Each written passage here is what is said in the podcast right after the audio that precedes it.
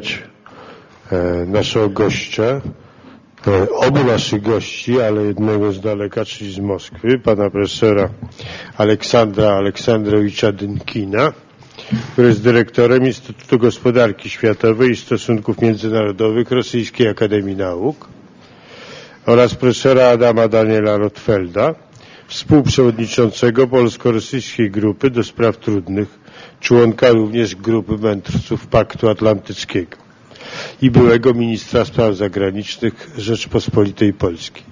Witam panów serdecznie.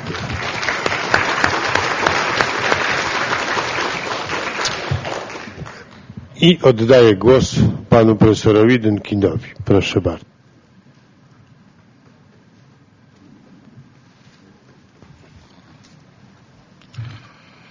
A, dzień dobry, szanowni państwo. Ja, ja dalej Będę mówił oczywiście po rosyjsku dalej. Dziękuję bardzo za to, że Państwo przyszliście. Jest to bardzo miłe, że e, w sobotę wieczorem tak wiele osób e, poświęca czas e, na spotkanie z nudnymi profesorami. To bardzo miłe. Poproszono mnie, bym powiedział kilka słów o jednej z prac naszego Instytutu, którą wydaliśmy pod koniec ubiegłego roku. Nazywa się dość ambitnie strategiczna prognoza globalna globalna 2030 i ci z Państwa, którzy siedzą tutaj blisko widzą na pewno okładkę, fragment e, obrazu Magrita. Tutaj artysta próbuje, patrząc na jajko, narysować ptaka. Moim zdaniem ten obraz bardzo nieźle oddaje e, sens pracy ludzi, którzy zajmują się prognozowaniem. E, Chciałbym kilka słów powiedzieć o tej książce, o tej pracy. Oczywiście, oczywiście nie mamy żadnego, żadnej kuli e, czarodziejskiej, żeby wróżyć przyszłość, ale jest to dość tradycyjna praca, którą wykonujemy już od wielu lat w Instytucie.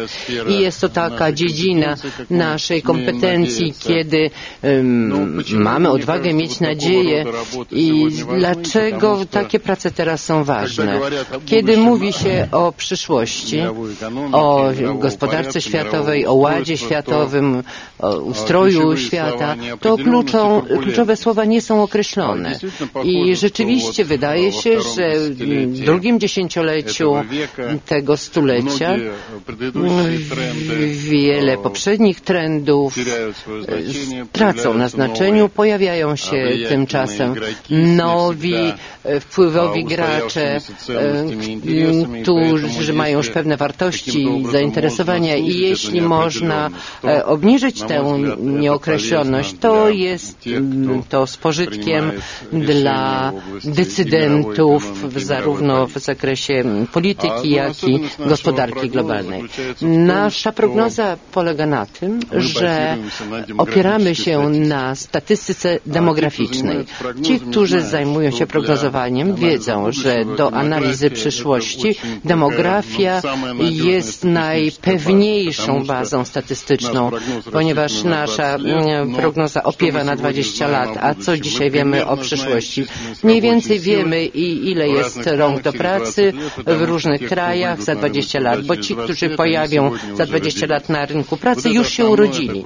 I to jest to główne przypuszczenie. Następnie za pomocą własnej metodyki autorskiej określamy tendencje wydajności pracy na 20 lat. Następnie otrzymujemy szacun, szacunek PKB w 135 krajach. I zbudowawszy taki szkielet statystyczny, mamy pewne podstawy, pewne założenia relacji sił gospodarczych w świecie za 20 lat. I na tej podstawie poprzez długotrwałe dyskusje, seminaria określamy podstawowe trendy w produkcji danego produktu i jego konsumpcji. Poza tym oczywiście ten szkielet statystyczny pozwala nam prognozować trendy w dziedzinie sił strategicznych, relacji międzynarodowych i między innymi polityki społecznej. Więc to pokrótce, jakie są efekty tej prognozy? Według naszych szacunków w okresie 2011 do 2030 przyrost roczny gospodarki światowej będzie dość wysoki. Będzie nieco wyższy, ponad 4%. Uważamy, że będzie to 4,0-4,2 średnioroczne tempo wzrostu PKB. To trochę lepiej niż w poprzednim dziesięcioleciu. Co to znaczy? To znaczy, że do, co roku e, ekonomika światowa e, wzrasta o wielkość równą rocznej gospodarce Niemiec.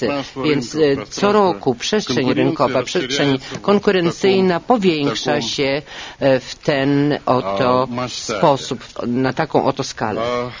No, Ale mówimy o tym, że świat będzie policentryczny, co nie znaczy, że w tym świecie nie będzie żadnej hierarchii. Oczywiście dzisiaj wiele mówi się o tym, że Chiny będą najpotężniejszą gospodarką według naszych szacunków. no Jeśli, ekonomiści to wiedzą, są dwa takie narzędzia porównawcze, to parytet zdolności nabywczej i e, bieżący kurs wymiany waluty. I jeśli według tych par, y, współrzędnych to jest dość taki warunkowy e, narzędzie, to chińska e, gospodarka rzeczywiście to osiągnie w 20 roku. Jeśli chodzi o kurs waluty, to do 30 lat Stany Zjednoczone będą jednak różniły się, będą po, powyżej gospodarki chińskiej swoimi danymi. Natomiast wydajność pracy jest dość bezwładną taką współrzędną, więc wydajność pracy w Chinach jest 15-krotnie mniejsza niż w Stanach. Oczywiście ten dystans może się zmniejszyć, ale nie, nie drastycznie, do dziewięciu razy ewentualnie, ponieważ jest to bardzo bezwładny wskaźnik. Wydaje nam się, że Stany Zjednoczone zachowają przywództwo jak centrum finansowe, jako centrum innowacji oraz jako centrum siły militarnej. Oczywiście tacy gracze jak Chiny, Indie, Turcja, Indonezja dziś są słabo reprezentowani na gospodarczej mapie świata, ale do 30 roku będą kształtować już agendę. Dlatego jeśli mówimy o relacjach międzynarodowych, to taka tradycyjna sprzeczność, konfrontacja wschód-zachód będzie wyglądała inaczej. Będzie to północ i południe. Z profesorem Rotfeldem oczywiście będziemy mówić na ten temat, ale wydaje mi się, że taki zwrot w relacjach międzynarodowych i ten projekt, w którym braliśmy, uczestniczyliśmy, to znaczy inicjatywa Euro Atlantycka Inicjatywa w dziedzinie bezpieczeństwa właśnie jest poświęcona temu problemowi. Oczekujemy, że Jednym z trendów w tym okresie, w najbliższym dwudziestoleciu, będzie regionalizacja. Regionalizacja jako odpowiedź na wzrastającą konkurencję globalną, ponieważ z jednej strony pomaga to pomaga to przeciwstawić się tym niszczącym aspektom globalizacji, pomaga na szczeblu regionalnym wypracować pewne narzędzia, które są przedwczesne dla zarządzania globalnego. Natomiast jeśli przyjrzymy się temu, co dzieje się w tej chwili w Unii Europejskiej, to oczywiste jest, że proces regionalizacji tu bez względu na wszelkie trudności zapewne będzie trwał. Moim zdaniem to e, pewnie nabierze nowej no, jakości. Ale jeśli przyjrzymy się e, na najbardziej dynamiczny region świata, na basen Oceanu Spokojnego, to też tam powstają w tej chwili, powstaje partnerstwo nowe, Trans-Pacific Transfership albo transoceaniczne partnerstwa, w których biorą udział główne kraje regionu bez Chin póki co. Więc jeśli chodzi o Chiny, to jest to najbardziej chyba intrygująca rzecz. Moim zdaniem dzisiaj Chiny zderzyły się z granicą modelu społeczeństwa i gospodarki, jaki zakładano na początku reform chińskich w 1978 roku. To był Deng Xiaoping. Ten model w tej chwili mm, e, opiera się na niezmiernie taniej sile roboczej, na nadmiernym inwestowaniu ze strony państwa, a inwestycje mm, czasami przekraczały 50% PKB i to były e, nieograniczone rynki zewnętrzne i model ten w tej chwili się wyczerpuje.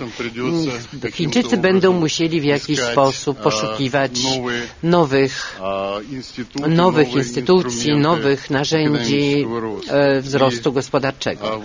I ta, to nieokreślenie, z którym się zderzyliśmy, to niezrozumiałe zniknięcie przyszłego lidera chińskiego na całe dwa tygodnie świadczy o tym, że pod dywanem trwa e, walka, dyskusja między zwolennikami bardziej równomiernego z punktu widzenia rozwarstwienia społecznego rozwoju.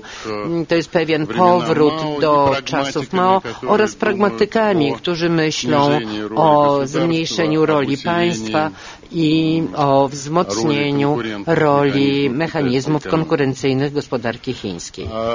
No, dla Zachodu polityka wobec Chin będzie polegała na poszukiwaniu pewnej równowagi między zaangażowaniem Chin w pewien wspólny rozwój i jednocześnie, jednocześnie powstrzymywaniem Chin bo ta, taka metoda ten opina, żeby się nie wychylać, już została ta metoda zarzucona, a w tej chwili bardzo wzrastają wydatki na cele militarne w Chinach. E, istnieje duży przemysł na rzecz wojska. Wielu wojskowych chińskich e, mówi, że decyzja Deng Xiaopina o redukcji wydatków wojskowych na rzecz e, rozwoju gospodarczego. Mm, ta decyzja była mylna i trzeba w tej chwili nadrobić stracony czas. Też widzimy wzrost neonacjonalizmu w krajach, które e, najbardziej zyskały z procesów globalizacji. To pewnie znowu trzeba wymienić Chiny, Indie, prawdopodobnie Indonezja i Turcja. I jeszcze jedna właściwość. Świat, w którym będziemy żyli, to w tym dwudziestoleciu transnacjonalne korporacje będą miały ponad 50% udział w PKB, co tworzy napięcie między ludźmi, między, którzy pracują w tych korporacjach w różnych krajach świata, a zatrudnionymi, którzy nie mają nic wspólnego.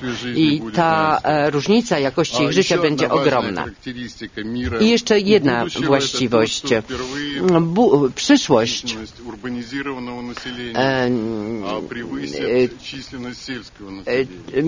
ludność zamieszkająca w miastach będzie o wielokrotnie wyższa niż na wsiach. Już w, połowa Chińczyków mieszka w miastach. Bardzo zwiększy się liczebność klasy średniej, klasy średniej. Jeśli klasa średnia była bazą, podstawą stabilności na, na początku w krajach anglosaskich, potem w krajach europejskich, to dzisiaj klasa średnia bardzo szybko się powiększa, zwłaszcza w krajach, które niedawno jeszcze nazywaliśmy rozwijającymi się. Oczywiście trwać będzie migracja. Jeśli kraje europejskie nie zdołają E, rozwiązać swoich spraw w związku ze starzeniem się społeczeństwa bez migracji, to migracja również oznacza mnóstwo kłopotów, trudności, co jest charakterystyczne dla krajów północy, dokąd zmierzają te mm, tłumy migrantów i mm, społeczność migracyjna żyje według nieznanych czy niezrozumiałych nam zasad. Są pewne przejawy przemocy i trzeba będzie z tym się uporać. I jeszcze jedna rzecz, o której mówimy w swojej prognozie. Nie widzimy ograniczeń zasobów wzrostu. Nie przewidujemy, że ani bogactwa naturalne, węglowodorody, ni e, siła robocza nie będą cierpiały na niedostatek. Nie będzie to przeszkodą e, dla wzrostu gospodarczego. Oczywiście ta zasada nie jest uniwersalna. To będzie różnie przebiegało w różnych regionach, ale generalnie nie widzimy takiej sprzeczności. I ostatnia rzecz, o której chcę powiedzieć, o tym, że przypuszczamy, iż następne 20 lat Arktyka stanie się polem, mam nadzieję, międzynarodowej współpracy niż konfrontacji, co wiąże się z zasobami, jakie znajduje się w tym regionie. To wiąże się z globalnym ociepleniem i ewentualnym otwarciem logistycznych szlaków na Arktyce i ten kierunek moim zdaniem będzie priorytetowy w światowej agendzie. Ja mogę mogę jeszcze bardzo długo na ten temat mówić, ale chyba będzie lepiej, jeśli odpowiem na Państwa pytania. Dziękuję.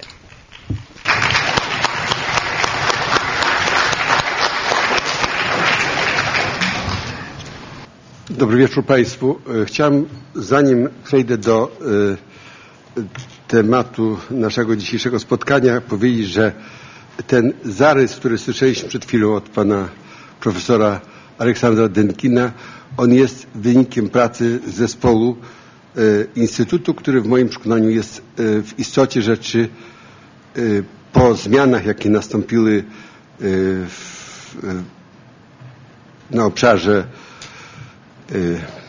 dawnego Związku Radzieckiego i w Rosji, ten instytut w ramach Rosyjskiej Akademii Nauk jest najpoważniejszy. To znaczy jest instytut, to jest instytut, który ma bardzo długą i dobrą tradycję, nawet czasów radzieckich. Na jego czele stali tacy uczeni wielki, wielkiej rangi jak e, profesor Warga, e, potem Arzumanian, potem Inozemcew, potem był Jakowlew, Primakow i po Primakowie przejął kierownictwo Instytutem Aleksander Dynkin. Chcę powiedzieć, że Y, w istocie rzeczy nastąpiło załamanie wielu innych instytutów, które zajmują się y, problematyką społeczną, ale między innymi ta, ja bym powiedział, taka krótka informacja, ona pokazuje, że to jest całkowicie odideologizowane spojrzenie, bardzo takie rzeczowe i w istocie rzeczy y, bez próby jakiegoś takiego politycznego skrzywienia czy deformacji, które przez długie lata towarzyszyły nauce w Związku Radzieckim. Teraz, co się tyczy meritum, to chciałbym powiedzieć, że z tego, co profesor Dynkin powiedział, y, należałoby wyciągnąć kilka wniosków, które y, niejako inspirują do myślenia o przyszłości. Mianowicie y, pierwsza taka bardzo podstawowa sprawa sprowadza się do tego, aby zadać sobie pytanie, co wynika z tych demograficznych zmiany, o których on mówił. Znaczy te demograficzne zmiany, jak on powiedział, będą prowadzić do wielkiej migracji między y, y, południem a północą, znaczy z południa na północ. To oczywiście wywołuje ogromne napięcia. Znaczy napięcia nie tylko wtedy, kiedy ta migracja już ma miejsce, ale co ważniejsze, że istnieje niebezpieczeństwo żywiołowej migracji na wielką, masową skalę i to może się stać nie tylko źródłem napięć, ale bardzo poważnych konfliktów. I tu chciałem pierwszą uwagę taką y, zasygnalizować, mianowicie, że nasze spojrzenie na stosunki międzynarodowe i na światowy system bezpieczeństwa jest w istocie rzeczy taką prostą projekcją tego, co pamiętamy z przeszłości. Otóż przez 45 lat, które były od 1945 roku, zakończenia II wojny światowej, do roku 90, system był dość prosty, oparty na dwóch biegunach. Kiedy w 1989-1991 roku nastąpiło załamanie się tego systemu, to większość uczonych i na wschodzie, i na zachodzie, i w Polsce zaczęło budować rozmaitego typu teorie, że skoro nie ma systemu dwubiegunowego, to on będzie zastąpiony systemem jednobiegunowym, czyli hegemonią jednego z wielkich mocarstw, najprawdopodobniej Stanów Zjednoczonych, albo systemem wielobiegunowym, znaczy, że będzie kilka takich ośrodków siły, wokół których będą grupować się państwa od nich zależne i te ośrodki będą między sobą rywalizować, a pokój będzie zapewniać równowaga między tymi ośrodkami. Tak jak równowaga była utrzymywana przez 45 lat między dwoma biegunami, których y, ośrodkami, centrami siły były Waszyngton i Moskwa. Otóż chcę powiedzieć, że to myślenie jakkolwiek wydaje się takie e, atrakcyjne przez swoją prostotę, jest z gruntu fałszywe z bardzo prostego powodu. Po pierwsze, biegunowość w stosunkach międzynarodowych nie jest żadną normą. To było zjawisko, e, które wystąpiło po raz pierwszy i już nie ma powodów sądzić, że jeśli ono wystąpiło, to ono będzie powtarzane. Chodzi o to, że przeszłości, w XIX wieku, XVIII wieku i tysiąc lat, dwa tysiące lat temu były inne systemy bezpieczeństwa. Były oparte raczej na hegemonii dominacji. Ale ten okres hegemonii i dominacji też już należy do przeszłości. W związku z tym to, co będzie w przyszłości, wymaga pewnej e, wyobraźni i takiej zdolności do innowacyjnego myślenia. Otóż ja uważam, że y, taka bardzo poważna trudność w formułowaniu strategii przez obecnych polityków ma wielorakie źródła. Jednym ze źródeł jest to, że ci politycy, jakowie są dobrze wykształceni, z reguły nie mają cech przywódców tej miary, jaką na przykład miał w swoim czasie Churchill, czy y, De Gasperi, czy Robert Schuman, e, Willy Brandt. Ja nie będę tej listy kontynuował polityków, którzy nie zawsze się podobali, ale oni widzieli pewną strategiczną e, linię, którą, której starali się podporządkować swoją politykę. Na przykład we Francji takim politykiem był de Gaulle. Oto trzeba powiedzieć, że od e, ponad 50 lat nie ma takich polityków, nie ma żadnego kolejnego Churchilla w Anglii, nie ma kolejnego de Gaulle'a we Francji, nie ma e, e, odpowiedniego e, tej miary polityka, jak był de Gasperi we Włoszech, czy Armel w Belgii i tak dalej. Co to znaczy? To znaczy, że nastąpiła e, taka nowa fala, dość krytyczna, przywództwa. Znaczy ten brak Y, przywództwa sprawia, że społeczeństwo, opinia publiczna odczuwa zaniepokojenie, ponieważ w istocie rzeczy ta rzeczywistość jest nowa, bardzo mało zrozumiała i wytwarza się takie poczucie niepewności, niedookreśloności, niejasności, y, poczucie niestabilności, a w związku z tym nieprzewidywalności.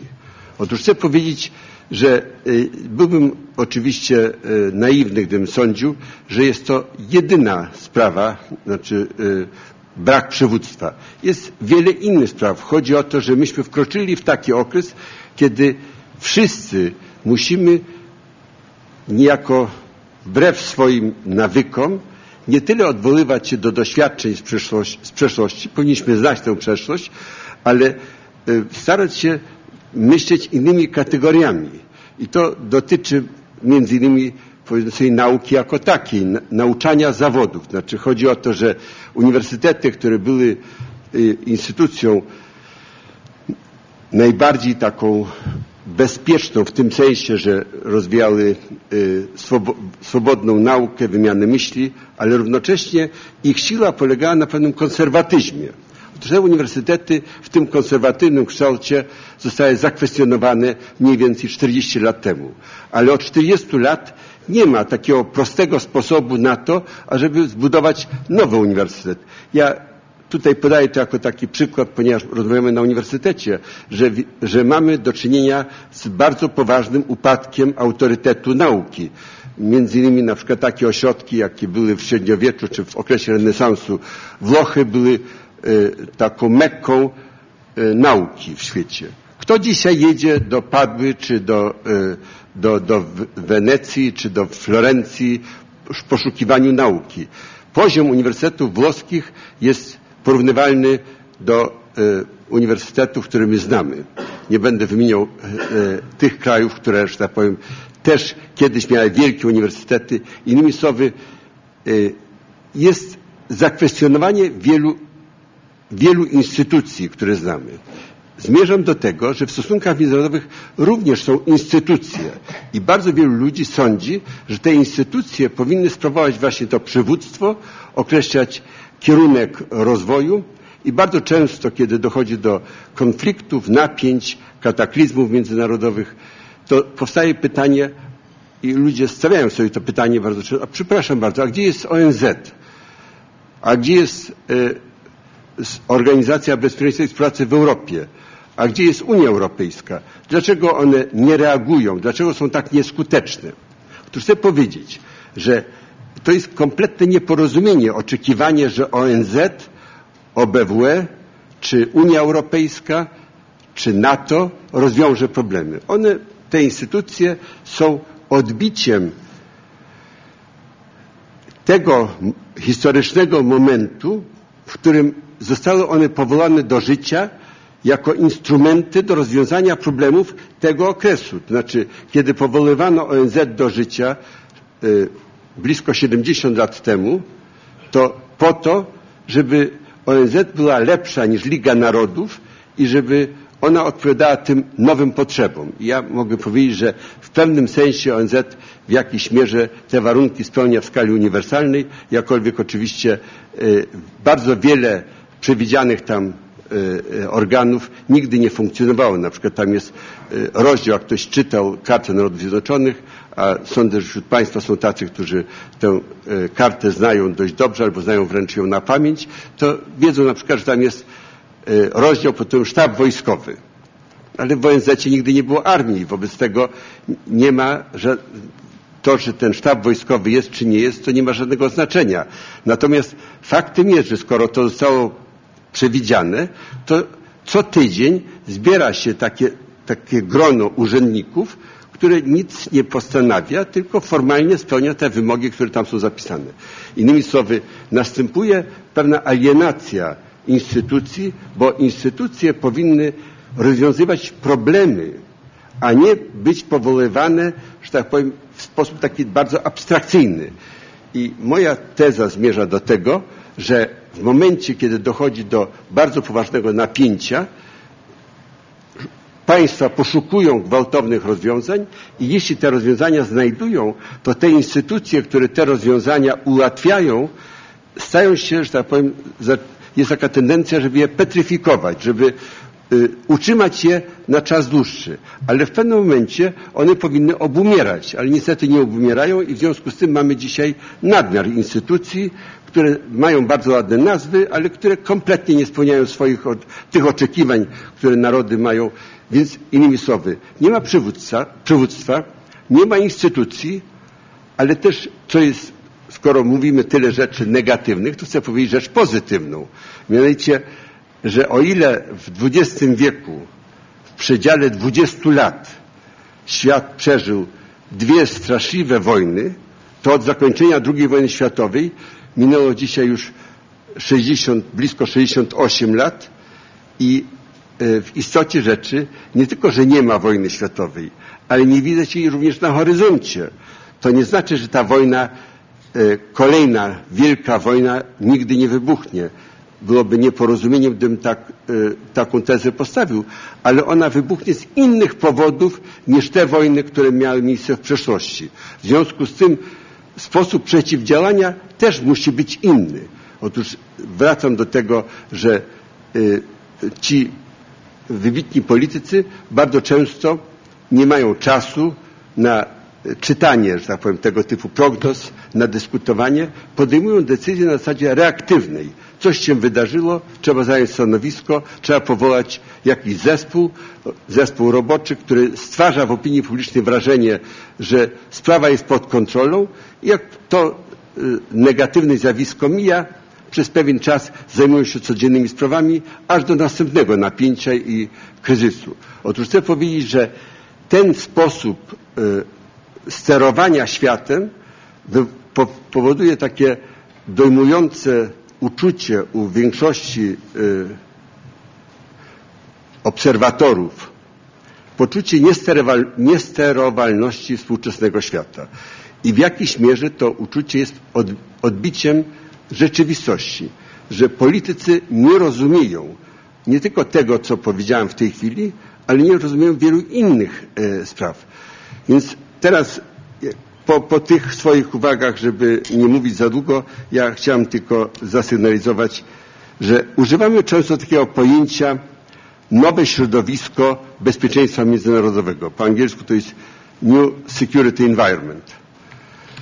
Otóż y, ktoś mógłby postawić pytanie, jak to nowe środowisko? Przecież to są te same państwa na tej samej ziemi i w związku z tym, co określa to nowe środowisko? Otóż nowe środowisko określa to, że z jednej strony niektóre państwa tracą na znaczeniu, inne państwa zyskują na znaczeniu i o tym y, profesor Dynkin przed chwilą mówił, że oczywiście zyskują w sposób widoczny dla każdego na znaczeniu Chiny, zyskują Indie, zyskuje Brazylia.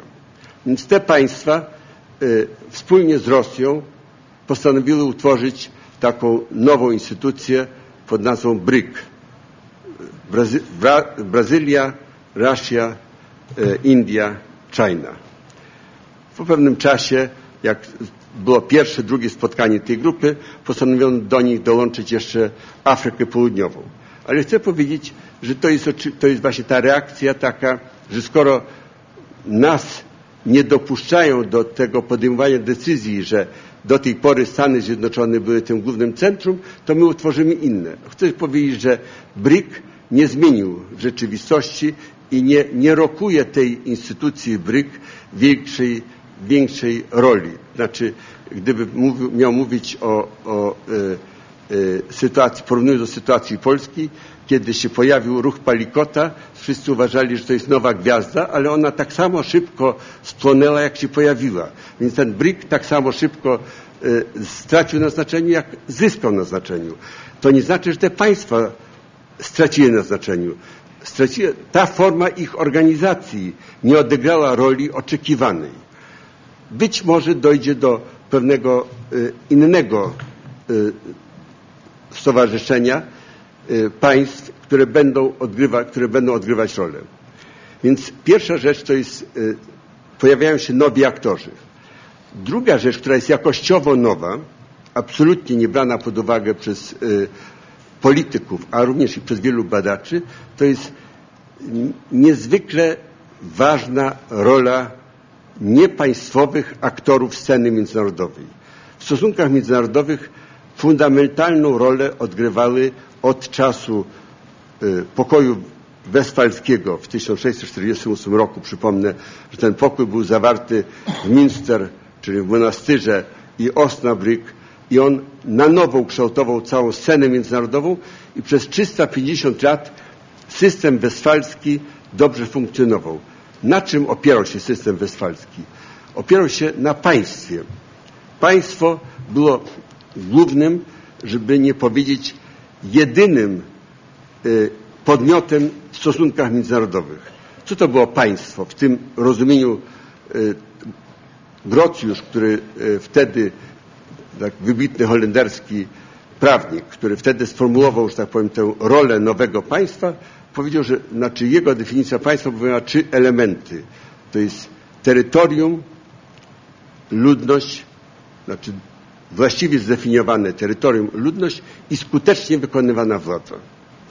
Otóż ta y, definicja państwa, która trwała przez 350 lat, straciła na znaczeniu, bo dzisiaj władza ma być nie tylko skutecznie wykonywana, ale ma być wykonywana zgodnie z przyjętymi zobowiązaniami, które obejmują bardzo wiele elementów sytuacji wewnętrznej. A cały system międzynarodowy opiera się na zasadzie, że państwa są suwerenne, zasada suwerennej równości i państwa nie podlegają żadnej innej władzy i w związku z tym mogą na swoim terytorium y, wykonywać tę władzę w sposób arbitralny i to jest zawarte w zasadzie nieinterwencji sprawy wewnętrzne. Otóż te dwie zasady, nieinterwencji sprawy wewnętrzne i e, e, tej, ta druga zasada suwerennej równości, one jak gdyby zakwestionowały e, ten nowy układ, który powstał. Mianowicie państwa dzisiaj muszą poddać się kontroli międzynarodowej. Na przykład powiedzmy sobie, mamy w tym roku się odbyło ponad 60 wyborów w różnych państwach i są międzynarodowe komisje obserwacyjne, państwo poddają oceny, to jest niewyobrażalne. Kiedyś to było niewyobrażalne, że państwa poddawały siebie kontroli. Za zbrodnie stawiane są przed, y, przywódcy państw są stawiani przed y, trybunałami karnymi. Innymi słowy, skoro te nowe zasady stały się już y, rzeczywistością, to trzeba sobie powiedzieć, następuje bardzo poważna erozja państw. Skoro jest erozja państw, to system westfalski załamuje się ale nowy system jeszcze się nie ukształtował. Więc chcę powiedzieć, że w tym nowym systemie, między innymi zagrożeniami, które obserwujemy na co dzień, jest masowy wzrost terroryzmu, który ma zupełnie inny charakter niż miał kiedykolwiek w, w przeszłości. Znaczy, dawniej terroryzm był skierowany przeciwko przywódcom, politykom, a dzisiaj jest, e, ja bym powiedział, erga omnes, czyli w języku naukowym mówi się, że to jest niedyskryminacyjny terroryzm. On nikogo nie, nie dyskryminuje. Jest kierowany przeciwko przypadkowym, niewinnym ludziom, a nie przeciwko jakimś wybranym osobom. Ale nie tylko terroryzm. To jest również sprawa nierównomiernego rozwoju, że państwa otrzymały niepodległość, ale nie są w stanie wykonywać swojej suwerenności na tych obszarach, znaczy zasada skutecznej władzy polegała na tym, że państwo bierze odpowiedzialność za wszystko, co się na jego terytorium dzieje. Ale dzisiaj mamy do czynienia z rosnącą ilością państw słabych, upadłych i upadających, które nie są w stanie kontrolować rozwoju wypadku na swoim terytorium i są słabsze od tych organizacji terrorystycznych i nie tylko terrorystycznych. Innymi słowy, niepaństwowi aktorzy. Kolejnym elementem jest ogromna ilość broni masowej zagłady. Kompletnie nieadekwatnej do dzisiejszej sytuacji, w tym sensie, że okres zimnej wojny, przeciwstawienie wschód-zachód, Moskwa, Waszyngton wymagały równowagi w ramach e, tej, tej konfrontacji nuklearnej między Waszyngtonem a Moskwą. Dzisiaj utrzymywane są ogromne arsenały broni rakietowo-jądrowej, chociaż ta broń jest nie do użycia i nie będzie do użycia w ciągu najbliższych 15-20 lat. W związku z tym y, następuje przezbrojenie. To przezbrojenie jest przede wszystkim związane z nowymi technologiami. Ja mógłbym kontynuować tę listę. Chcę powiedzieć, zmierzając do końca, że stoimy wobec takiej sytuacji, gdzie myśliciele, badacze, uczeni byliby w stanie podpowiedzieć politykom kilka różnych wariantów takiego podejścia do rozwiązywania tych problemów, przed którymi stoimy. Ale rzecz polega na tym, że tych polityków to nie interesuje. I jaki mamy efekt? Że powstaje niezliczona ilość rozmaitego typu raportów.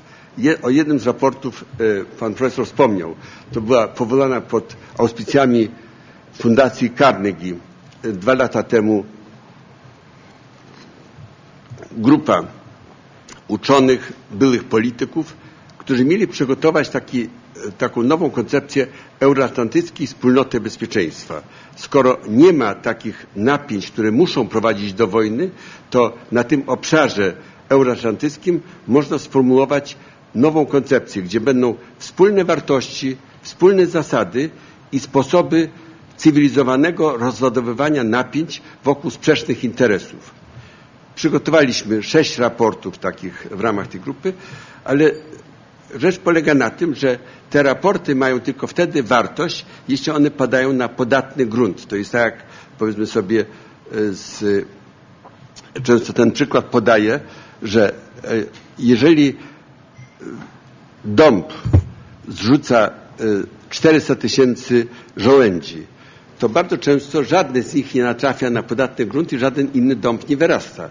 Otóż ta ogromna ilość tych raportów, opracowań itd. Tak bardzo często trafia na bardzo kamienisty grunt, na pustynny grunt, z tego nic nie wyrasta.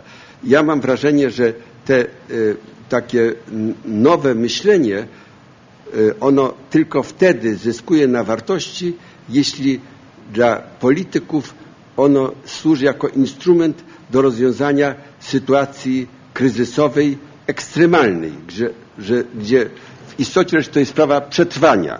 Otóż na przykład ktoś może powiedzieć, dlaczego społeczność międzynarodowa nie reaguje na to, co się dzieje w Syrii. Powinna zareagować. Tam giną dziesiątki tysięcy ludzi. Świat przygląda się, krytykuje. Jedni podejmują taką e, decyzję, żeby potępić, inni wstrzymują się z tym potępianiem. Nie to jest ważne. Ważne jest to, że ja dzisiaj mogę tutaj Państwu powiedzieć, że wojna domowa w Syrii będzie trwała przez następne kilkanaście lat, niezależnie od tego, jaki będzie przebieg, czy utrzyma się Asad u władzy, czy się nie utrzyma. Będzie tak trwała między innymi dlatego, że te główne siły, które mogłyby tę sytuację zmienić, nie mają instrumentów, ale również nie mają interesu w tym, żeby tę sytuację, tę sytuację zmienić. I innymi słowy, mam wrażenie, że znajdujemy się w takim dość interesującym momencie rozwoju świata, gdzie uczeni mieliby możliwość odegrania bardzo istotnej roli w kształtowaniu tego świata przyszłości pod warunkiem, że ze strony y, osób podejmujących decyzje powstałoby takie poczucie, że bez tych y, propozycji ze strony uczonych problemy, z którymi oni się zderzają, nie da się rozwiązać. Jak długo oni sobie bez tego radzą, tak długo będziemy trwali w tym stanie, ja bym powiedział, takiego pewnego y, dryfowania i niepewności. To bardzo prosimy. Przejdziemy do pytań. E, bardzo proszę o pytania z takim uwarunkowaniem, że jest trzy minuty na uzasadnienie pytania, nie, nie więcej, żebyśmy nie, nie mieli e, rozwiniętych nadmiernie polemik. Tam mamy, proszę bardzo. Dziękuję. Mam pytanie do profesora Dynkina. Hmm, całą swoją pierwszą wypowiedź poświęcił praktycznie Chinom. Widzimy z tego, że chyba to jest największe zagrożenie obecnie dla, dla Rosji. Chciałem się zapytać, yy, mając na uwadze historię i te błędy, które popełniła, popełnił Związek Radziecki w e, stosunkach z Chinami w latach 50., 60., czego takim yy, apogeum był konflikt zbrojny nad rzeką Usuri w 69 roku jak obecnie Rosja e, przygotowuje się do tego olbrzymiego naporu, jaki widzimy ze strony Chin. i demograficznego, bo jak się mówi, ponad 10 milionów Chińczyków już jest po stronie rosyjskiej w części syberyjskiej i obecnie Chiny pokazują swoją agresywną twarz w polityce. Widzimy to na, na y, przykładzie tego konfliktu z Japonią o wyspy, a również takie konfliktowe spory terytorialne są między Chinami i Rosją nadal. I właśnie mam takie pytanie. Jak Rosja tak naprawdę chce się przygotować do tego i jaki jest plan ich polityki? No, Mamy dość długą granicę z Kitajem, to jest 4,5 tysiąca e, kilometrów. Dlatego zapewne jesteśmy skazani ну, так сказать, приемлемых отношений. Na podtrzymywanie mm, znośnych stosunków, ale lepiej, żeby to były przyjacielskie mm, stosunki. Muszę Pana mm, zmartwić, jeszcze nie mieszka u nas 10 milionów Chińczyków. Nasze służby migracyjne e, szacują, że to jest 450 tysięcy. Być może ileś jest ludzi nielegalnie, ale na pewno to nie 10 milionów. Natomiast ma Pan rację rację, że tutaj powstaje symetria demograficzna na Dalekim Wschodzie e, Rosji, na Syberii Wschodniej, bo Chińczycy chcą mieć dostęp do zasobów, jakie mm, tam się znajduje, znajdują. Pewne porozumienia już zostały zawarte. Natomiast jeśli przyjrzeć się statystyce e, inwestycji zagranicznych w Rosji, to Chiny zajmują bardzo skromne miejsce w strukturze inwestycji inwestycji zagranicznych na obszarze kraju. Jak chcemy się przygotować? Oczywiste jest, że istnieją e, pewnie e, takie e, niezbyt szeroko naświetlane próby powstrzymywania, o tym się nie mówi, ale to się robi. Wydaje mi się, że w tej chwili mm, następuje samoidentyfikacja Rosji jako mocarstwa i w tej chwili dużą uwagę poświęca się e, Syberii jako mało zaludnionemu regionowi. Tutaj będzie konkurencja e, e, Rosja, Chiny, Japonia, e, Korea. Będzie to konkurencja o zasoby tego regionu. Ale jeśli przyjrzeć się na południowe Stany, Meksyk, Teksas, to e, często nie zobaczycie tam napisów po angielsku. Tam dominuje ludność e, hiszpańskojęzyczna i z tego powodu suwerenitet Stanów Zjednoczonych e, nie traci. Nadal trwa. Taka jest rzeczywistość, więc przypływ emigrantów do Stanów Zjednoczonych jest bardzo duży, bardzo znaczący i zdaje się będzie tak samo działo się na rosyjskim Dalekim Wschodzie. E, ja mam również pytanie do profesora Dynkina, które będzie nawiązywało do pytania mojego poprzednika. E, jaka będzie pozycja e, Rosji w 2030 roku, czyli w tym współczesnym świecie? Oczywiście dla Rosji będzie rosła konkurencja w postaci właśnie Chin, Brazylii, Indonezji i czy Rosja nadal będzie jednym z głównych mocarstw światowych, czy jej pozycja spadnie i zejdzie na, na drugi plan? To jest pierwsze pytanie. Drugie pytanie jest o kraje islamskie Bliskiego Wschodu. E, co pan profesor w tej prognozie przewiduje na temat rozwoju tych państw, ich pozycji w świecie, no i, i, i jak ich rozwój się potoczy i czy mogą powstać jakieś bardzo poważne konflikty na linii Izrael i właśnie te państwa islamskie. I to wszystko. No, Jeśli chodzi o naszą prognozę, to szacujemy, że tempo średnioroczne Rosji na, będzie wynosiło tyle, ile światowy rozwój 4, 4 i 2. Jeśli te nasze szacunki są um, słuszne, to Rosja um, za, będzie zajmowała w 20 roku piąte miejsce na świecie po Stanach Zjednoczonych, Chinach, Indii, Japonii. Na piątym miejscu będzie Rosja um, i będzie i wyprzedzi nawet Niemcy.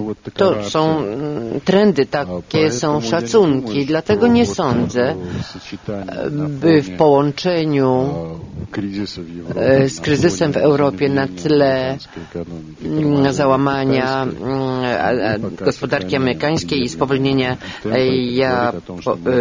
chińskiej, mm, my też nie jesteśmy przecież ubezpieczeni od kryzysu, ale ponieważ dysponujemy zasobami, więc przyszłość rosyjskiej gospodarki jest dość pozytywna, zabezpieczona. Jeśli chodzi o państwa islamskie, tam jest dużo turbulencji. I wydaje mi się, że gospodarka jeszcze nie powiedziała tutaj ostatniego słowa. Myślę, że nowy prezydent Egiptu już zaczyna e, sobie e, uświadamiać, że będzie musiał uporać się z tą e, falą ideologiczną. Poza tym ludzie chcą jeść, chcą mieć ogrzewanie, więc myślę, że będą parytety tutaj raczej zwracać się ku rozwojowi gospodarczemu. Natomiast jeśli wziąć to schematycznie, świat y, islamski proponuje dwa modele rozwoju. Jeden model to turecki, drugi model irański. Sądzę, że właśnie to są te bieguny, te ograniczniki, między którymi e, zobaczymy e, rozwój tych krajów za jakieś 10-15 lat. Ja mam pytanie do obu panów profesorów trochę przewrotne, ale chyba istotne. Mianowicie chciałbym, żeby profesor Dynkin powiedział, czego jego zdaniem Polacy nie rozumieją patrząc na Rosję.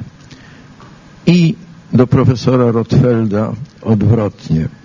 Czego Rosjanie nie rozumieją, e, czego Polacy nie rozumieją patrząc na Rosję. Dobrze, ponieważ e, pan profesor Dynkin skierował do mnie, że tak powiem, żebym był pierwszy, który odpowie na to pytanie, powiem, że w istocie rzeczy y, zajmuję się od 2008 roku y, Polsko, w ramach polsko-rosyjskiej grupy do spraw trudnych właśnie tym, co należy zrobić, ażeby Rosja i Polska siebie lepiej rozumiały. I prawdę powiedziawszy, kiedy y, powierzono mi tę funkcję współprzewodniczącego po stronie polskiej, a po stronie rosyjskiej jest akademik Turkunow, y, y, to nie miałem żadnego punktu odniesienia, to znaczy nie było do tej pory podobnej y, grupy. Jakkolwiek ta grupa była powołana w 2002 roku po pierwszej wizycie prezydenta Putina w Polsce, ale ona nie nie przyniosła żadnych efektów, ze względu na to, że tę grupę wówczas powołano spośród e, takich naj, najbardziej kompetentnych, wysokich urzędników, znaczy e, na, na szczeblu wiceministrów różnych resortów po obu stronach, wiceministrów spraw zagranicznych, spraw wewnętrznych, skarbu, sprawiedliwości, kultury, podjęto próbę jak gdyby rozwiązywania wielu problemów, które nam historia pozostawiła. I e, te, znaczy, ta grupa wtedy nie doprowadziła nie tylko do żadnych e, rezultatów, ale powiem więcej, że ona znalazła się w ślepej uliczce i, e, że tak powiem, zamarła. Śmiercią naturalną przestała funkcjonować. Więc w 2008 roku powołano ją E, na zupełnie innych zasadach. Znaczy powołano dwóch współprzewodniczących, myśmy się spotkali i zastanawialiśmy się nad tym, w jaki sposób powinniśmy inaczej zorganizować tę działalność. Więc pierwsza sprawa była taka, żeby nasze debaty odpolitycznić. Znaczy, żebyśmy rozmawiali tak, jak my dzisiaj z Państwem tutaj rozmawiamy. Znaczy, że tu nie jest coś z góry przesądzone, że nie działamy na zasadzie żadnych instrukcji. E, po drugie, to była moja sugestia, żeby nie próbować niczego robić wspólnie. To jest paradoksalnie powołano wspólną grupę polsko-rosyjską, ale ja powiedziałem, że wydaje mi się, że po to, żeby siebie zrozumieć, trzeba najpierw wczytać się e, i wsłuchiwać się w to, co mówi druga strona. Bo w momencie, kiedy my zaczniemy e, wspólnie cokolwiek redagować, to oczywiście e, zaczną się negocjacje. Każde zdanie będzie wymagało takiego ociosywania. I Rosjanie mają takie dobre powiedzenie, że e, kij do szczotki to jest dobrze odredagowana choinka.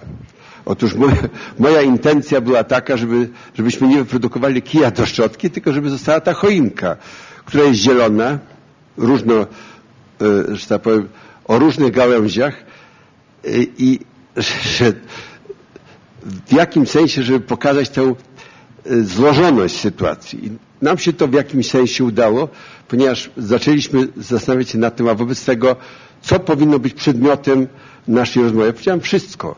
Znaczy od początku, w momencie, kiedy powstała nowa Rosja po I wojnie światowej i powstała, powstało odrodzone państwo polskie po I wojnie światowej, to zróbmy taki katalog do roku 2008.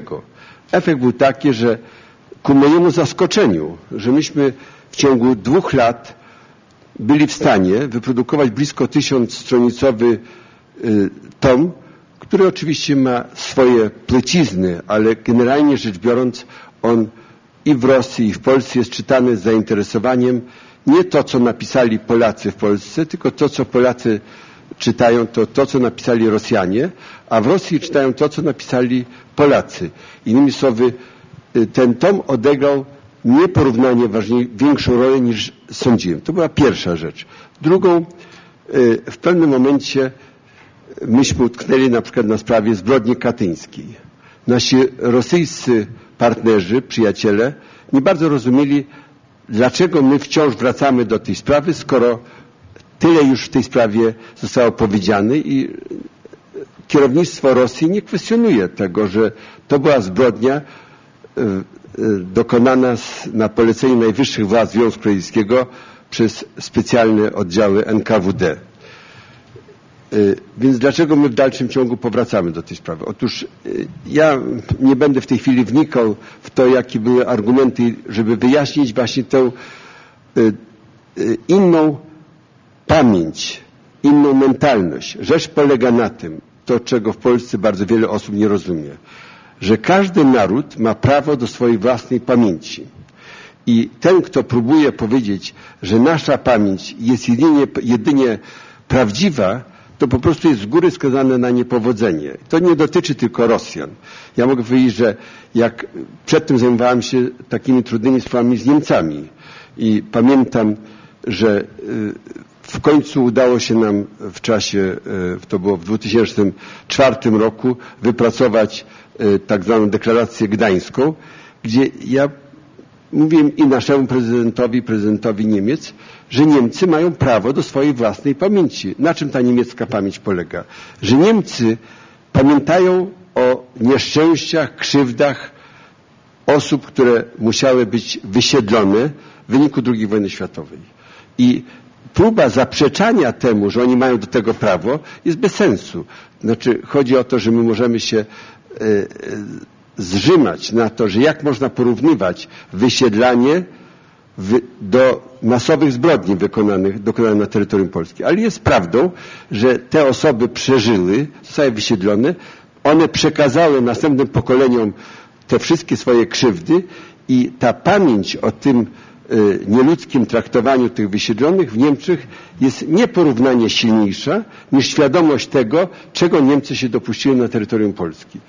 I w związku z tym moja intencja była taka, żeby uświadomić Niemcom, że my uznajemy to, ale trzeba powiedzieć skąd się ta krzywda niemiecka wzięła i żeby zrozumieli y, jaka jest pamięć narodowa Polaków. Więc jeżeli chodzi o Rosjan, to dla Rosjan na przykład jest trudnym do zrozumienia, że zginęło w Katyniu, czy tam nie w Katyniu, ale w, nazywamy to umownie zbrodnią katyńską, ponad 22 tysiące polskich oficerów. Otóż to jest oczywiście zbrodnia niesłychana z różnych powodów. Nie chcę w tej chwili e, oceniać ją, wnikać w to, ale rzecz polega na tym, że dla Rosjan to jest jedna z tysięcy zbrodni, które, się, które były dokonane w stosunku do wszystkich narodów Związku Radzieckiego. Że jak wczoraj e, prezydent Komorowski otwierał w Wykowni koło Kijowa pomnik, to tam to jest pomnik blisko 4 tysięcy zamordowanych polskich oficerów, to jest w ramach tej zbrodni katyńskiej z tak zwanej listy ukraińskiej, ale Ukraińcy zbudowali y, pomnik dla 130 tysięcy pomordowanych w tym samym miejscu y, obywateli Ukrainy. To nie tylko byli Ukraińcy, ale różne inne narodowości. Otóż chcę powiedzieć, że w Rosji są miliony, miliony ofiar tamtego reżimu. I pozytywna strona tych naszych dyskusji polegała między innymi na tym, że myśmy, wierzę w to, w jakim stopniu przyczynili się do uwrażliwienia naszych rosyjskich przyjaciół, partnerów, że trzeba się zająć również tym, nie traktować tego jako liczby statystycznej, tylko każdy zamordowany ma prawo do swojego nazwiska.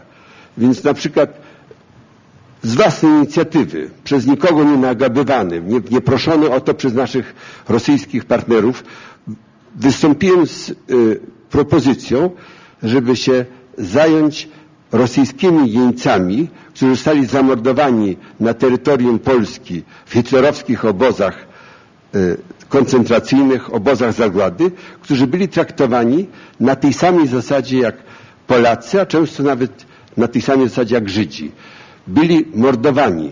Otóż na masową skalę.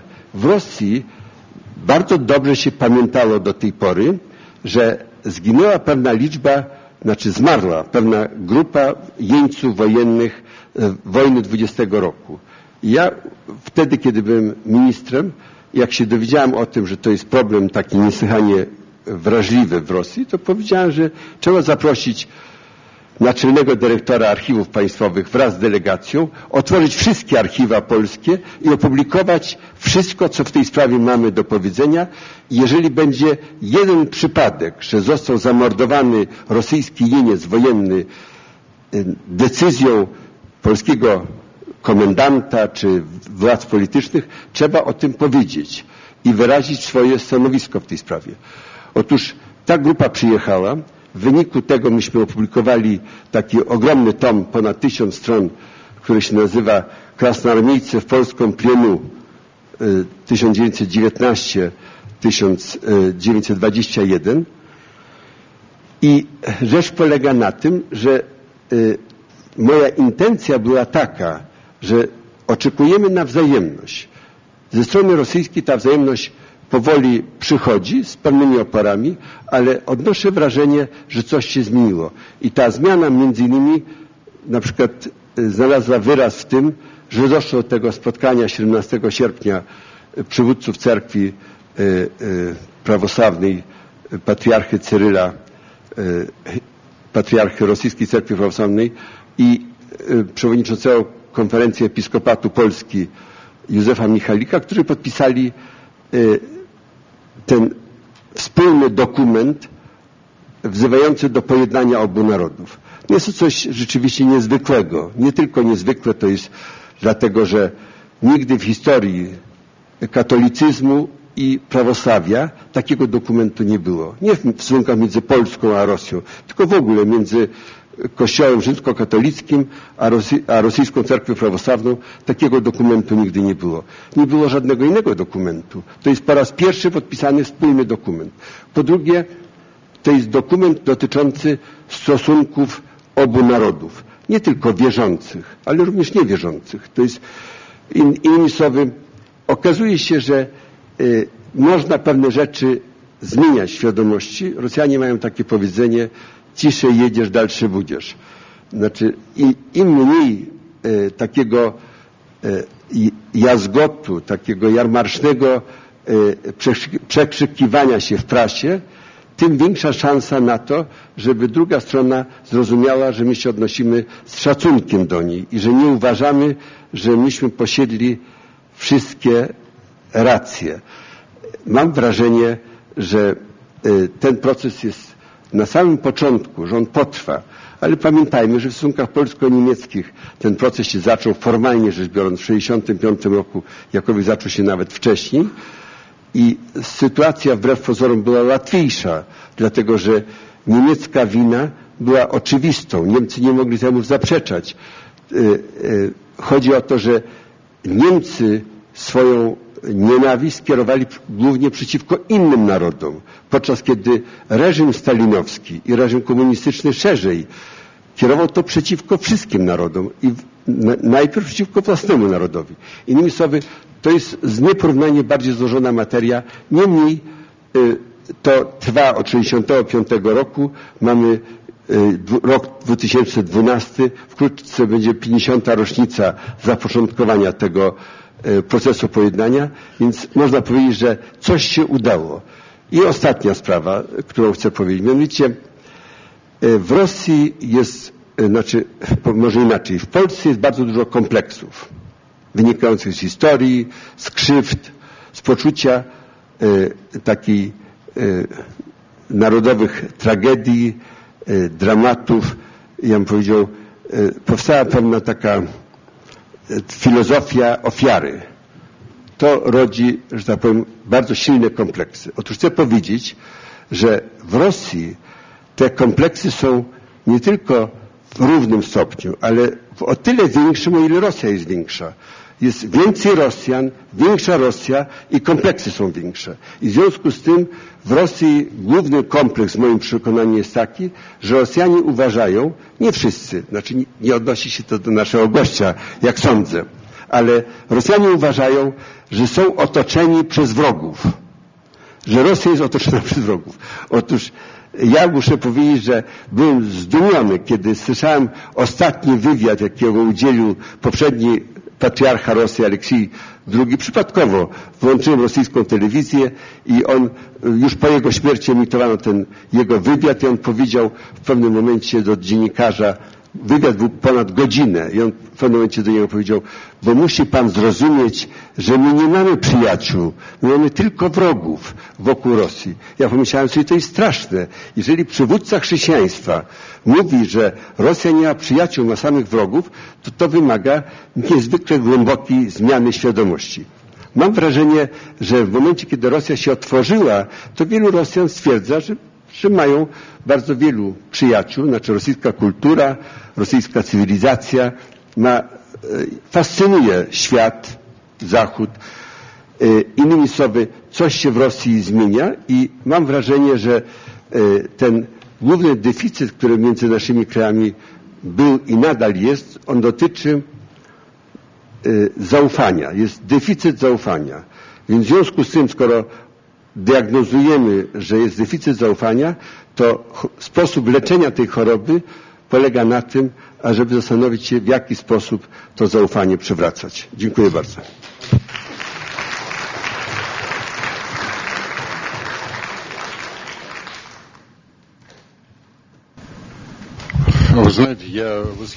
Jestem zachwycony, proszę Państwa, mm, to, co uczyniła grupa pod kierunkiem profesora Rotfelda i mm, profesora Turkunowa, bo wtedy, kiedy zapadła e, decyzja o rozpoczęciu pracy tej mm, grupy, Turkunow do mnie zadzwonił i zapytał, co ty o tym myślisz, a ja powiedziałem, że to jest niemożliwa misja. I ogromnie się cieszę, że pomyliłem się. Może to są jeszcze niewielkie sukcesy, ale to prowadzi do poważnych zmian e, w relacjach polsko-rosyjskich. Ciekawe jest to, że za miesiąc z panem Torkunowem pojedziemy razem do Japonii i mamy pomysł, by mm, zaproponować tego rodzaju tego rodzaju dialog naukowców bo mamy też spór wokół czterech wysp kurylskich, co psuje stosunki między Rosją a Japonią. I niedawno pytano mnie, co tutaj z Chinami, to można byłoby poprawić stosunki również z Chinami. Wydaje mi się, że ten pomysł tutaj gdzieś mi też świta, ale jeśli chodzi o pytanie naszego moderatora. Historia Europy jest straszna. Tak sama jak kiedyś były okropna historia naszych relacji. Ale przypomnijmy sobie, jeszcze w ubiegłym wieku e, stosunki Ros e, Francji i Niemiec też były nie najlepsze. Takie same były stosunki między Francją a Anglią, Wielką Brytanią. W połowie wieku na, najbardziej dramatyczne były mm, dramatyczne były stosunki Związku Radzieckiego i Niemiec. Mm, były nawet takie powiedzonka utrwalone przez naszego poetę. Zobaczysz Niemca, to go zabij. Więc musieliśmy e, przejść tę drogę. I dzięki wysiłkowi obu krajów, wysiłkowi obu narodów, bo Rosjanie i Niemcy zdołali przekroczyć e, ten rozdziew. Więc jeśli się porówna poprzednie stosunki obecne, to, że one są trwałe, mm, że mamy też świetne obroty towarowe, że możemy podróżować e, tutaj do siebie wzajemnie, mamy mocną tkankę więzi gospodarczych, to oczywiście skoro zdołaliśmy to uczynić z Niemcami, myślę, że Polska jako duża gospodarka Europy Środkowej, jako duży kraj o ludności prawie 40 milionów, wydaje mi się, przede powinna e, opierać się Polska w swojej polityce na dwóch nogach. Również e, budować stosunki gospodarcze z Rosją. Biznes e, na razie próbuje e, inwestować w Polsce i z przyczyn politycznych czy też innych e, nie zawsze są to udane inwestycje, nie zawsze to są udane mm, próby. Zresztą szkodą dla naszych gospodarek. I jeszcze raz o tym, o czym powiedział e, pan Adam, e, że e, otoczeni jesteśmy przez wrogami. Od dawna zawsze napaść następowała u nas od zachodu i zachodnia granica Rosji jest dzisiaj najbardziej bezpieczna w porównaniu z zagrożeniami, o których mówiłem z tytułu południowych sąsiadów. Myślenie działaczy politycznych zmienia się powoli, ale proszę mi wierzyć, że już to rozumiemy, że Zachód nie zagraża w tej chwili Rosji. Ja mam takie pytanie do obydwu y, panów, profesorów. Y, co razem y, Polska i Rosja mogliby zrobić dobrego dla świata razem i dla siebie wzajemnie, według panów, tak żeby ten temat rozwinąć lekko. A drugie pytanie, jak jak walczyć z takim problemem współczesnego świata, jakim jest demografia niska w Europie oraz w Rosji, powiedzmy, i w Polsce też oczywiście. I, i, i złe perspektywy na razie przynajmniej, no powiedzmy z tego punktu widzenia. Dziękuję. Dziękuję bardzo. Ja krótkie pytanie do pana profesora Rotfelda mam, bo słuchając e, pierwszego bardzo interesującego wystąpienia pana profesora, e, w pewnym momencie jedno zdanie mnie szczególnie zelektryzowało, a nawet zmroziło. Mianowicie, gdy pan profesor ilustrował potrzebę oderwania się od schematycznego dotychczasowego patrzenia na, y, na świat i na historię, to powiedział pan, y, zacytuję, że trzecia wojna światowa wybuchnie z powodów innych niż dotychczasowe dwie ponieważ zabrakło tego trybu warunkowego, y, czyli jeżeli wybuchnie to z powodów innych, chciałem się spytać, czy to było, że tak powiem, przejęzyczenie, czy jednak głębsza myśl w tym zawarta. Bardzo dziękuję. Y, przemknęła mi w polskiej prasie notatka, że budżet zbrojowy w Rosji wynosi około 100 miliardów dolarów. Jak, ten, jak te wydatki w, kształtują się w perspektywie czasowej i jaką stanowić będą e, część budżetu państwowego? No, Takie pytanie e, nie jest łatwe, co mogą uczynić wspólnie Rosja i Polska. Mm, współpraca gospodarcza e, zwiększa jakość życia w obu krajach. Mm, I to jest to, co moglibyśmy uczynić w gospodarce, gdybyśmy uważniej traktowali życzenia biznesu obu krajów.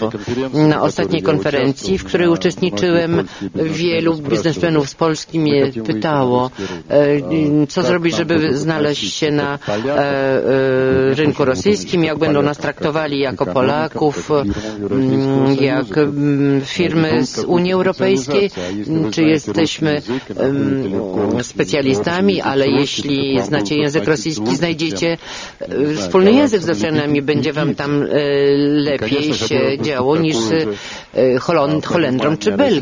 Więc gdyby takie zrozumienie znalazł biznes rosyjski w Polsce, gdyby taka właśnie synergia nastąpiła, a zła demografia, to chyba nasz wspólny ból, wspólny problem.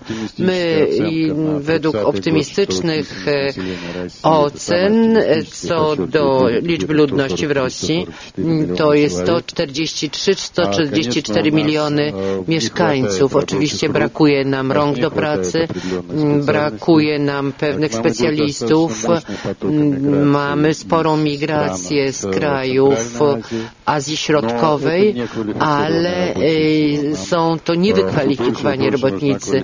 Nam są potrzebni robotnicy wykwalifikowani.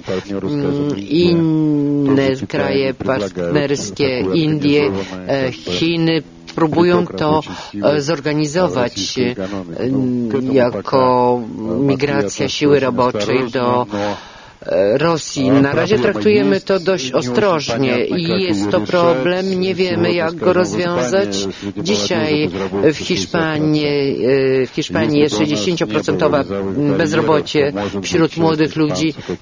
Jeśli by nie bariera językowa, to Hiszpanie być może znaleźliby zatrudnienie w Rosji.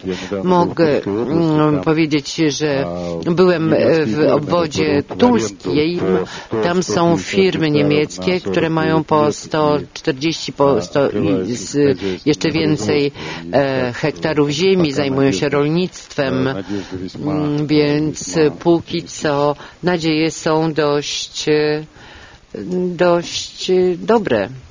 I... Może, może zacznę od tego, że to pytanie dotyczące tego, co Rosja i Polska mogą zrobić, to powiem tak, że jest kilka spraw, które rzeczywiście mogły być podjęte w stosunkach polsko-rosyjskich, które miałyby znaczenie nie tylko dla Europy, ale w ogóle dla świata. Gdyby było między Polską a Rosją zaufanie. Znaczy ja dam taki przykład fundamentalny, kluczowy, mianowicie dotyczący obrony przeciwrakietowej. Znaczy obrona przeciwrakietowa jest w Rosji rozumiana jako obrona, która formalnie i werbalnie dotyczy zapobiegania potencjalnym atakom ze strony Iranu albo tego regionu Zatoki Perskiej. Ale w Rosji wszyscy uważają, że w istocie rzeczy jest to obrona przeciwko atakom z Rosji. Otóż chcę powiedzieć tak, że po pierwsze ja nie wykluczam, że obrona przeciwrakietowa jest przeciwko wszelkim atakom rakietowym. I jeżeli z Rosji tych ataków nie będzie, to obrona przeciwrakietowa polega na tym, że zaatakować z tego powodu nie można. I o tym w Rosji dobrze wiedzą. Znaczy rzecz polega na tym, to się wiąże z ostatnim pytaniem, które było podniesione dotyczącym budżetu wojskowego w Rosji, który jest planowany ogromny budżet, znaczy to ma być w ciągu 10 lat, ma, wydatki mają wynieść 600 miliardów dolarów. Otóż ja nie należę do tych, którzy uważają, że w tym tkwi jakieś bardzo fundamentalne zagrożenie, że oto to jest budżet wojskowy do przygotowywania agresji. Nie. To jest budżet wojskowy, który jest konieczny do przezbrojenia i unowocześnienia armii, ponieważ ta armia rosyjska jest bardzo przestarzała. Ja powiem tak bardzo otwarcie i jasno, to nigdy tego nie, nie mówiłem, ale taka jest prawda, bo y, tak się składa, że wśród różnych spraw zajmowałem się między innymi y, w takiej grupie międzynarodowej powołanej przez Unię Europejską y, wyjaśnieniem przyczyn wojny tej kilkudniowej między Rosją a Gruzją w 2008 roku po to, żeby ułatwić, ja bym powiedział, takie bardzo dyskretne rozwiązanie wielu problemów, co nam się zresztą udało. To była taka grupa stworzona pod kierownictwem Szwajcarki Heidi Tagliavini, bardzo dobrej dyplomatki i tam wchodziło byłych pięciu ministrów z różnych państw i na podstawie tych dokumentów, które żeśmy zgromadzili, przeprowadzonych analiz, ekspertyz i tak doszedłem do wniosku, że ta wojna, co prawda była wojną wygraną przez Rosję, ona musiała być wygrana, ale ona ujawniła niezwykłą demoralizację i słabość rosyjskiej armii. I że gdybym był na miejscu Rosjan, to bym sobie zadał pytanie, co trzeba zrobić, żeby bardzo szybko tę armię zmienić. Otóż między innymi wynikiem tych przemyśleń jest to, co Rosjanie w tej chwili próbują robić. Czy to się uda, czy nie, to jest inny problem, czy takie pieniądze będą, to jest też inny problem. Nie chcę w tej chwili w to wnikać, ale chcę powiedzieć, że z całą pewnością Rosja nie będzie w stanie zbudować takiej tarczy antyrakietowej, na jaką stać Stany Zjednoczone. I teraz w 2007 roku w czasie konferencji w zarówno w Bukareszcie, ale ta, ta konferencja, którą mam na myśli, to była w Monachium. Ówczesny, już nie pamiętam, czy był wtedy jeszcze prezydentem, czy już był premierem, ale obecny prezydent Rosji, w każdym razie Władimir Putin, wtedy złożył takie oświadczenie, że Rosję nie stać na taką obronę przeciwrakietową, ale stać ją na zbudowanie takiego arsenału rakietowego, który zniszczy każdy przeciwrakietowy system obrony. Otóż ja chcę powiedzieć, że pańskie pytanie jest w istocie rzeczy taką zachętą do powiedzenia, że Polska i Rosja mogłyby się porozumieć w sprawie środków budowy zaufania wojskowego, które by przeciwdziałały temu, że Rosja nie musiałaby wydawać tych strasznych pieniędzy na ten arsenał rakietowy do zniszczenia obrony przeciwrakietowej, a jak nie wydawałaby Rosja na to, to nie, niepotrzebny byłby być może taki system obrony przeciwrakietowej. Żeby nie przedłużać tego wątku, chcę powiedzieć, że ten problem braku zaufania jest fundamentalny i wydawałoby się, że to tak niewiele kosztuje i ja podzielam bez reszty pogląd profesora Denkina, że w Rosji dzisiaj u ludzi myślących takimi otwartymi kategoriami i uczciwych, tak jak nasz dzisiejszy gość, jest przekonanie, że jest to najbezpieczniejsza granica, granica zachodnia, po raz pierwszy w historii Rosji i że Rosji ze strony Zachodu nic nie grozi.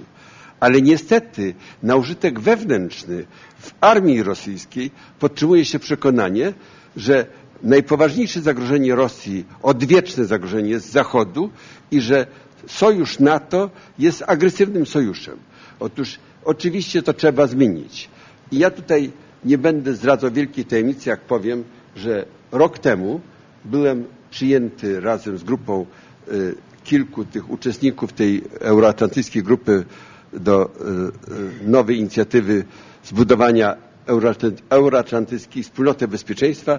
Było nas siedmiu z zagranicy i trzech y, uczestników z Rosji. Zostaliśmy przyjęci przez premiera, przez prezydenta Miedwiediewa w jego rezydencji i tam uczestnicy mnie poprosili, żebym ja był zagajającym tę rozmowę, więc nie, nieważne są szczegóły. Ważne było to, że jedno z moich pytań adresowanych do prezydenta Miedwiediewa było takie, dlaczego w Rosji się podtrzymuje ten mit, chociaż on wie o tym, że NATO nie zamierza napaść i że Rosja, daj Boże zdrowia, że miała tylko takich wrogów, jakie ma dzisiaj na Zachodzie. On mówi, wie pan, to jest długi proces. My to wiemy. To nie jest takie proste, żeby zmienić z dnia na dzień mentalność.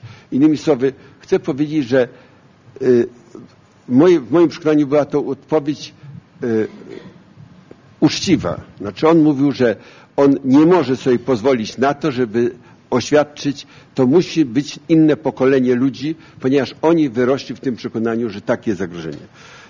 Teraz y, powiedziawszy to, chcę odnieść się do Pana pytania. Mianowicie, y, tak mówiąc naj, najbardziej skrótowy sposób powiem tak, że pierwsza wojna światowa wybuchła dlatego, i to jest całkowicie odmienna teza niż jest głoszona przez różnych, różnych historyków. Mianowicie w historii jest, utrzymuje się taki powszechny pogląd, że pierwsza wojna światowa wybuchła, mimo że nikt jej nie chciał. To jest nieprawda. Dokładnie było odwrotnie. Pierwsza wojna światowa wybuchła dlatego, że wszyscy chcieli tej wojny. Wszyscy do niej prowadzili i na to są dokumenty. Tak się złożyło, że w swoim czasie, że tak powiem, przeczytałem dokumenty z y, y, sztabu generalnego francuskiego i sztabu generalnego pruskiego. Uważali, że im szybciej doprowadzimy do wojny, tym lepiej. Więc wszyscy, do, i wojna wybuchła. Każdy pretekst był dobry, żeby do, doszło do wojny. Druga wojna światowa wybuchła dlatego, że tylko dwa mocarstwa do niej dążyły i te mocarstwa, że tak powiem, prowadziły agresywną politykę, której zresztą nie ukrywały. Publicznie ją ogłosiły. Y, jedna to była y, polityka hitlerowskiej III Rzeszy, która po prostu uważała, że potrzebuje Lebensraum, y, że ma utworzyć nowy porządek w świecie Neue Ordnung, a polityka Związku Radzieckiego się nazywała, że, że proletariat, który zwyciężył na razie w jednym oddzielnie wziętym kraju, ma takie historyczne zobowiązanie wobec ludzkości, żeby ta rewolucja zwyciężyła w skali światowej. Na razie zwyciężyła u nas, ale jak będzie możliwość, to y, oczywiście w miarę upływu lat to, to ulegało, że tak powiem, y, y, to stanowisko zmianie do tego stopnia, że po śmierci Stalina Chruszczow po raz pierwszy powiedział, miał tak powiedzieć, że wojna nie jest nieunikniona, bo przedtem on też uważał, że wojna, wojna jest nieunikniona i że Związek Radziecki musi być przygotowany do takiego fundamentalnego starcia ze światem kapitalistycznym. Otóż teraz trzecia wojna światowa, jeśli wybuchnie, to mimo tego, że nikt tej wojny nie chce, ona wybuchnie w wyniku niesterowalności. Dlatego, że chodzi o to, że te sprawy, które y, przedstawiłem w sposób taki dosyć y, powierzchowny i skrótowy w pierwszej części, y, one nie poddają się żadnemu systemowi sterowania i jest pilna potrzeba, żeby poddać to systemowi sterowania. Jak długo było, była rywalizacja radziecko-amerykańska, to trzeba sobie powiedzieć, że pierwszy y, bezpośredni kontakt i faks, znaczy przekazywanie y, pisma drukowanego na odległość, zostało wymyślone dla potrzeb wojskowych po to, żeby otworzyć tę gorącą linię, która miała, że Waszyngton i Moskwa mogły siebie natychmiast powiadomić, że coś się stało nieprzewidywalnego, na przykład, że w wyniku błędu technicznego została wypuszczona rakieta w Waszym kierunku, zeszelcie ją. I krótko mówiąc, to spełniło swoją rolę. Dzisiaj my takiego systemu nie mamy. I to, co powiedział y, pan profesor Dynkin, że to porozumienie o e, strategicznych, ofensywnych broniach, które było podpisane między Stanami Zjednoczonymi a e, Rosją dwa lata temu jest ostatnim porozumieniem. Otóż ja uważam, że czas dojrzewa do tego, że potrzebne jest porozumienie w skali wielostronnej, może nie globalnej, bo trzeba powiedzieć sobie otwarcie, że nie wszystkie państwa muszą być do tego włączone, tylko te, które dysponują taką bronią. Otóż trzeba sobie powiedzieć, że tą bronią formalnie rzecz biorąc miałyby prawo dysponować wszystkie państwa e, wchodzące w skład e, Rady Bezpieczeństwa i mające prawo do głosu decydującego, czy prawo weta, czyli to są Stany Zjednoczone, Rosja, Chiny, Wielka Brytania, Francja. Ale do tej grupy tych pięciu państw atomowych dołączyły wbrew oczekiwaniom y, trzy inne państwa. Znaczy bronią jądrową dysponują dzisiaj dysponują Indie, Pakistan i Izrael, który co prawda nigdy nie przeprowadził doświadczeń z bronią jądrową, bo uważa się za państwo jądrowe tylko to państwo, które doświadczenia przeprowadziło, ale dzisiejsze komputery pozwalają z taką dokładnością przeprowadzić symulację, że ona jest równoznaczna z przeprowadzeniem takich prób. Więc są to trzy dodatkowe państwa, które nie są, nie są y, członkami, znaczy nie są sygnatariuszami układu o nierozprzestrzenianiu broni jądrowej, czyli one niejako formalnie nigdy się do tego nie, zobowią nie zobowiązały do tego, że nie będą posiadać tej broni. One świadomie nie podpisały tego porozumienia. Ale co gorsza, mamy dwa inne państwa, które podpisały traktat o nierozprzestrzenianiu, mam na myśli Koreę Północną i Iran, które odrzucają ten, podpisały, ale nie będą go przestrzegać i rozwijają program atomowy. Otóż najbardziej, ja tutaj się zgadzam z profesorem Dynkinem, że nie upatrywałbym takiego zagrożenia w przypadku Korei Północnej. Korea Północna ma tę broń, w moim przekonaniu, na potrzeby, jeśli tak można powiedzieć, konsumpcji wewnętrznej. Co to znaczy? Korea Północna się boi zmiany systemu. Więc gdyby ten system w Korei miał być zmieniony z zewnątrz, na przykład w wyniku, w wyniku nie, niekontrolowanego wypadku zjednoczenia Korei Północnej z Południową, to tym elementem odstraszającym jest ta broń jądrowa, którą oni by mieli. Nie mają oni tej broni po to, żeby zaatakować Chiny, czy Rosję, czy Japonię. Natomiast jeżeli chodzi o Iran, to jest dokładnie odwrotnie. Iran oświadcza erga omnes całemu światu, że potrzebuje tej broni, ponieważ y, taka, znaczy potrzebuje ze względów y, na, na y, swoją pozycję w tym regionie, że chce być przywódcą świata muzułmańskiego i że w istocie rzeczy występuje w obronie nie tyle świata muzułmańskiego, ile występuje w obronie świata arabskiego przeciwko Izraelowi i Stanom Zjednoczonym. Otóż w związku z tym to stwarza autentyczne zagrożenie, tak jak to było z, przed II wojną światową. Jeżeli ktoś publicznie oświadcza, że taki ma program, to trzeba temu programowi postawić pewną tamę. I to, stąd jest ten problem w tej chwili nie chcę powiedzieć, jak się to rozstrzygnie. Mam nadzieję, że się rozstrzygnie w ten sposób, że do tego nie dojdzie. Oczywiście byłoby to z ogromną szkodą dla narodu irańskiego i tak dalej.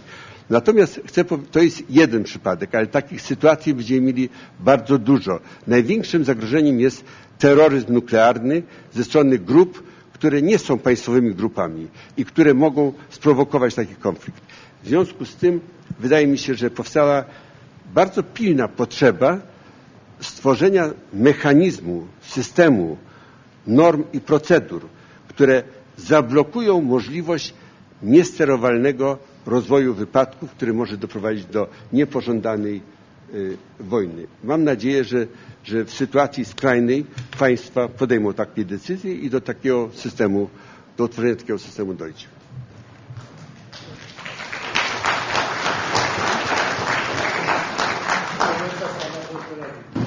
A u mnie jest jeden komentarz. Ja mam jeden komentarz. W projekcie, o, w programie, o którym mówił profesor e, Rothfeld, mówiłem też o tym, mieliśmy specjalną grupę e, składającą się z autorytetów. Tam byli ministrowie obrony Niemiec, Wielkiej Brytanii, tam był szef sztabu, szef sztabu e, sił strategicznych rakietowych Rosji i ci ludzie zdołali znaleźć wspólne zdanie Znaleźli też nie tyle decyzje, ale jakieś do przyjęcia stanowisko, które bazowało na powołaniu centrów wzajemnej informacji, wymiany informacji radarów zachodnich i radarów rosyjskich, by oficerowie natowscy i rosyjscy śledzili, obserwowali zagrożenie rakietowe i informowały swoje centrale. Niestety nie wcielono tej idei w życie. Ja próbuję wyjaśnić logikę naszych wojskowych. Smutna realność e, naszych czasów polega na tym, że ciągle żyjemy e, w sytuacji powstrzymywania sił strategicznych Rosji przez USA. Jest to gwarantowane wzajemne zniszczenie. Taka jest smutna realność. A co się nam udało e, zrobić? W szczycie wojny domowej mieliśmy 800, ponad 1000 głowic, a teraz mamy ich ponad 800. Ale zasadnicze stanowisko się nie zmienia. Następnie Amerykanie, z którymi mieliśmy umowę o nietworzenie tarczy antyrakietowej, mm, Amerykanie zaczęli się z tego wycofywać, nasi nie rozumieją dlaczego i tutaj nagle pojawia się program tarcza antyrakietowa. To jest drugi etap rozwijania tego systemu. Ma być zamontowany innymi w Polsce, więc y, dzisiaj nie grożą y, tarcze naszym rakietom, ale w trzecim, czwartym etapie modernizacji tarczy szybkość, jaką będą się poruszały te rakiety jest jeszcze nieznana. Mm, tutaj pan Romney dolał oliwy do ognia, powiedział, że Rosja jest głównym wrogiem Stanów Zjednoczonych i e, jastrząb amerykański, jeśli uniesie brew, nasze jastrzębie robią to samo. Więc musimy tę sprawę rozstrzygnąć. Bardzo. Dziękuję bardzo. Przepraszam wszystkich. Jeszcze zgłaszają się z pytaniami, ale musimy kończyć nasze spotkanie. Proszę wybaczyć, nie możemy już podziękować naszym gościom.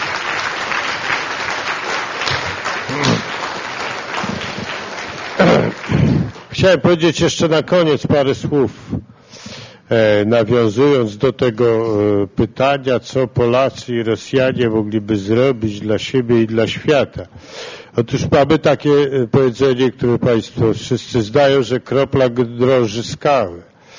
W wielkim planie politycznym i historycznym odpowiadali nasi goście, ja w małym wymiarze. Każde takie spotkanie w którym rozmawiamy ze sobą normalnie, refleksyjnie i krytycznie, jest tą kroplą, która skałę rozpuszcza i bardzo dziękujemy jeszcze raz naszym gościom, że taką okazję nam stworzyli.